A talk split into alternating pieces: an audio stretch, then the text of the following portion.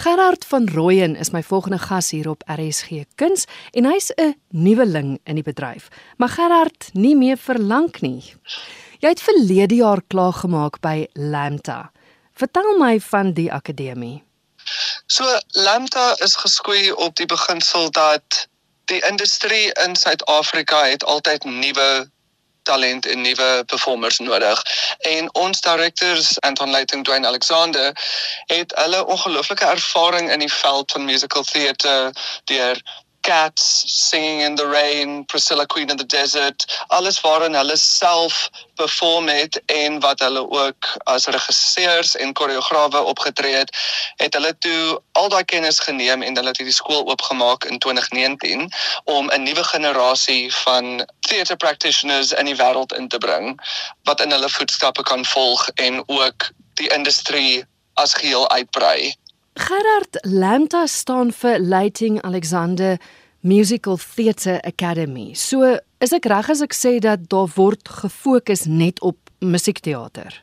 Musiekteater is 'n leidende aspek van van die kurrikulum, ja.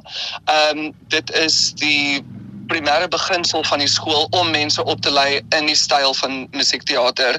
Maar wat daarmee saamgaan, soos wat enigiemand wat musikale teater ken, is 'n geweldige diversiteit van hoe kan ek sê crafts en skills en alles wat jy saam met dit leer soos make-up, theatre making, um acting as 'n sentrale beginsel wat ons leer.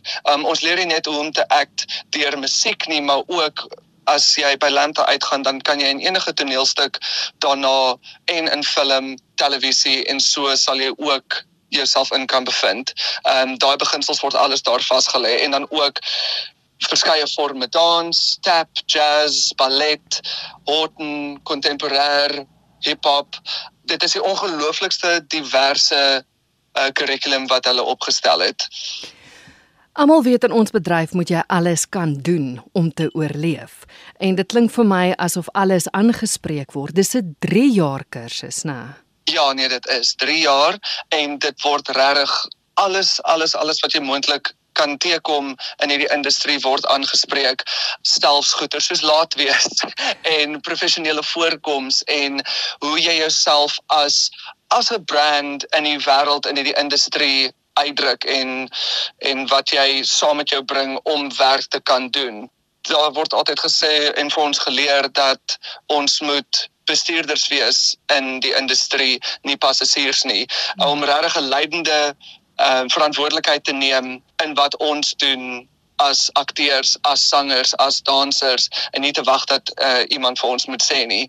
Ehm um, so dit is regtig as ek dit nou so kan stel groundbreaking tipe ontwikkeling wat aangaan in Lambda. Dit is ek ek ek weet nie of daar so breedvoerige kurrikulum bestaan elders anders nie. Mm, mm. Ehm mm, uh, maar dit raak regtig aan elke elke aspek van die industrie wat jy moontlik kan teekom. En teen die tyd wat jy na die 3 jaar daar uitloop, dan maak niks jou meer bang nie. Sekere goeters skok jou dalk 'n bietjie, maar jy weet hoe om omtrent elke storm deur te maak.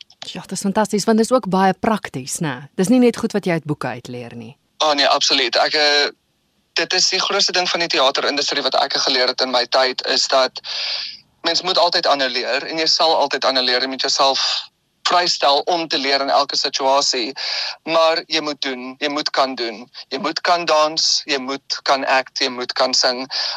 Elke aspek van hierdie industrie, soos wat jy self sal weet, is iets wat wat sy tol gaan neem op jou liggaam, jou stem, jou brein. Hmm. Ehm um, en die kursus self is baie baie prakties aangelê in terme van die danskurrikulum.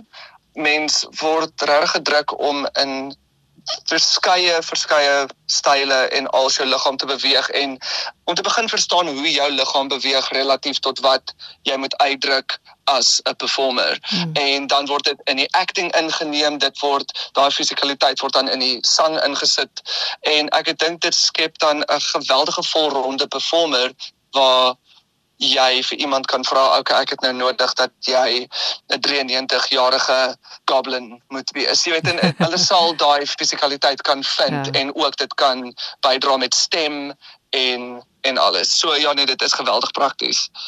Gerard, ons praat nou juis oor Lambda se laaste produksie vir die jaar Spring Awakening, wat 'n musiekblyspel is waarvan jy deel is. Vertel gou vir my want dit is dis eintlik 'n musiekblyspel wat jare terug dis dis geskoei op 'n toneelstuk. Hy kom al jare en en jy het nou weer nuwe lewe in hom geblaas. Ja, ek is eintlik baie baie opgewonde oor hierdie produksie. Dit is iets ongelooflik spesiaal. Dit is ehm um, amper soos 'n skietende ster in die wêreld van van musiekteater. Ehm um, die boek waarop dit gebaseer is, is geskryf deur 'n Duitse man, Frank Wedekind in 1891. Hmm. En toe is dit verwerk in 'n musiekblyspel in 2006, ehm um, Spring Awakening wat toe 8 Tonys gewen het. Ja. En dit hou aspekte van die boek, die storielyn, die konseptuele basis daarvan is gevestig in die boek, maar dan is dit omhels en omhul met die pragtige musiek van Duncan Sheik en Steven Slater wat net dit is verskoon my Engels, maar dit is otherworldly. Dit dit vou die hele produksie in 'n ongelooflike hoeveelheid mooiheid toe. Al is die die materiaal waarop dit gebaseer is verskriklik donker en dit dit gaan deur baie van die oomblikke van vrees van ouer word, van die ontnigtering tot die volwasse lewe, seksuele ontwaking, spirituele ontwaking en wat dit beteken vir jong mense en dit is so relevant tot vandag. En ek wil ek sit elke dag net en wonder hoe wonderlik dit is dat ons tot vandag toe in 2023 met relevante temas sit wat al van 1891 afkom en dit is wat vir my Spring Awakening ongelooflik spesiaal maak is die feit dat dit kop aan kop staan met met die menslike toestand it approaches the human condition wat in my opinie teater altyd moet doen. Dit moet vir ons sê iets oor onsself iets oor ons samelewing goeders waarmee ons sukkel en goed wat ons help om te triomfeer. En ek dink wat Spring Awakening doen is dit, dit vat al die moeilikheid en hierdie vroeg en sukkel en dit sit dit om in hierdie baie mooi ding dat as jy deur hierdie moeilike tyd gaan dan is daar 'n tyd van kalmte en ontnigtering maar ook volwassening wat gebeur deur daai hele proses.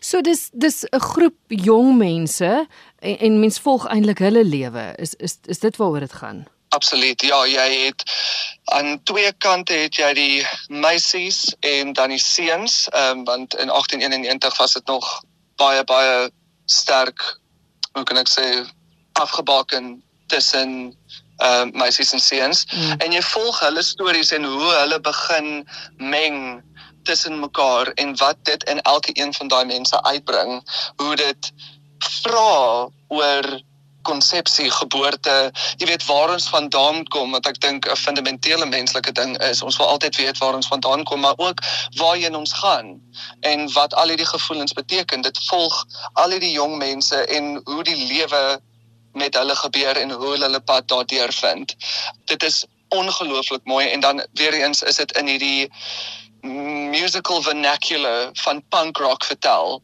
So jong mense wat dit vandag kyk, gaan so baie aanklank vind daarmee want hulle gaan kan sê, "Wow, ek was al deur hierdie" en dan ewe skielik is daar hierdie wonderlike punk rock song wat met die mooiste digkuns net vir jou uitbeeld wat regtig in die interne werking van daai karakter aangaan.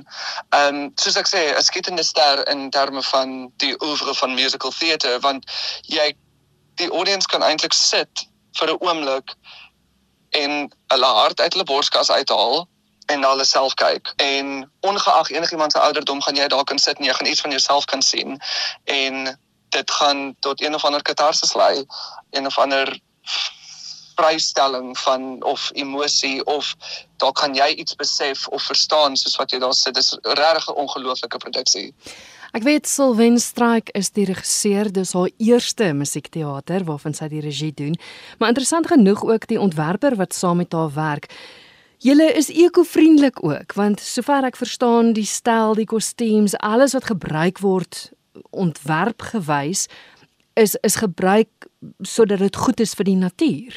Absoluut. Ja, so Neil Griffin het uh die ontwerper het regtig waar uit sy pad uit gegaan om seker te maak dat elke een van die kostuumstukke en stelstukke naturally sourced is, naturally sourced sourced fibers, so ons praat van natuurlike grained wood en hemp en mm. linne wat alles dan met organiese dyes gekleur is en dit is net ons deel in die teaterwêreld om om ook by te dra tot 'n sustainable industrie wat jy weet wat ons tot in die toekoms kan indra en die, dit is die ongelooflikste ding en dan sien jy ook hierdie natuurlike weefsels en vesel en en wat dit doen aan die karakter en ook wat dit doen vir die periode. Mense gaan kyk daarna en weet soos ek kan sien dat hulle in 1891 is, maar dit voel nie dit voel ingeleef, dit voel asof jy 'n 'n sprokie sien ontvou reg voor jou oë.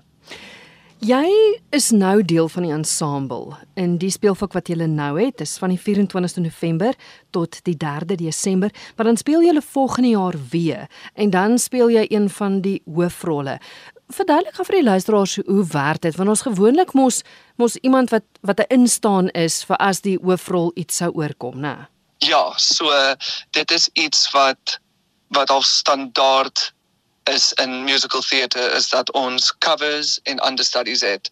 En op hierdie stadium is ek besig om Hanshinurilo te understudy en dan wanneer die hoofakteur afgaan na 'n ander produksie toe, dan gaan ek instaan daarvoor. En dit is maar net uit die aard van wat ons in musikale teater doen, is dat dit is so fisies en dit is so inspannend as daar die eendag 'n frats ongeluk sou wees en ek weet nie iemand breek 'n been of hulle stem is net nie daar vir die dag nie, dan is daar iemand om daai plek aan te vul en dan kan die die show aangaan. So dit is ongelooflik ook, jy weet om in hierdie posisie te wees dat ek 'n werk nou al op soveel karaktervlakke en storievlakke op dieselfde tyd want terwyl ek my ding doen en my song and dance doen, ek besig om te kyk wat die ander Hansen doen net om seker te maak dat ek weet dat as iets sou gebeur dat ek dit daarso kan inspring. So ongelooflike ehm um, vaardigheid wat ook by Lamte aangebied word is hoe fokus jy op jy weet 12 goed op dieselfde tyd en hoe doen jy elke een van hulle suksesvol in in eie reg. Mm. Ons gaan nou die datums en tye weer gee as mense na Spring Awakening wil gaan kyk, maar vinnig net gou jy gaan ook te sien wees in Sound of Music. Ja, ek is tans nou hier so by die Kunstekaap Theater en ek wag vir my rehearsals om te begin. Tans is ek 'n deel van die ensemble en dan speel ek Admiral van Schreiber wat 'n klein feature aan die einde is. Hy kom in om vir Captain von Trapp toe kom nooi in aanhalingstekens half te forceer om weer deel van die Duitse vloot te word en dan tesame met dit speel ek of is ek ook nou die cover van Captain Von Trapp. So ek is in twee produksies cover twee karakters. Ehm um, ja, dit is dit is maar hoe dit gaan. Ek wil dit is 'n uh, ongelooflike eer wat ek ervaar om in hierdie twee produksies te kan wees. Ehm um, wat albei toevallig oor Duitsland gaan in 'n manier. Maar om om so baie te leer en te sien hoe mense stylisties verskillend verskillend werk en jy weet die verskillende treatments van musical theatre. Um ek is baie opgewonde vir the sound of music want dit is daai absolute quintessential familie musical waar jy net kan gaan sit en dit is soos 'n klein vakansie vir die familie wanneer hulle gaan kyk. Ek is baie opgewonde vir mense om dit te sien. Ek wil ek het begin huil in ons eerste read through um vir do a dear a female dear want jy weet dit het my ewe skielik aan my ouma laat dink. Mm. So wonderlike oomblik. So ja nee, ek is ek is baie opgewonde vir albei die produksies wat ek nou in is.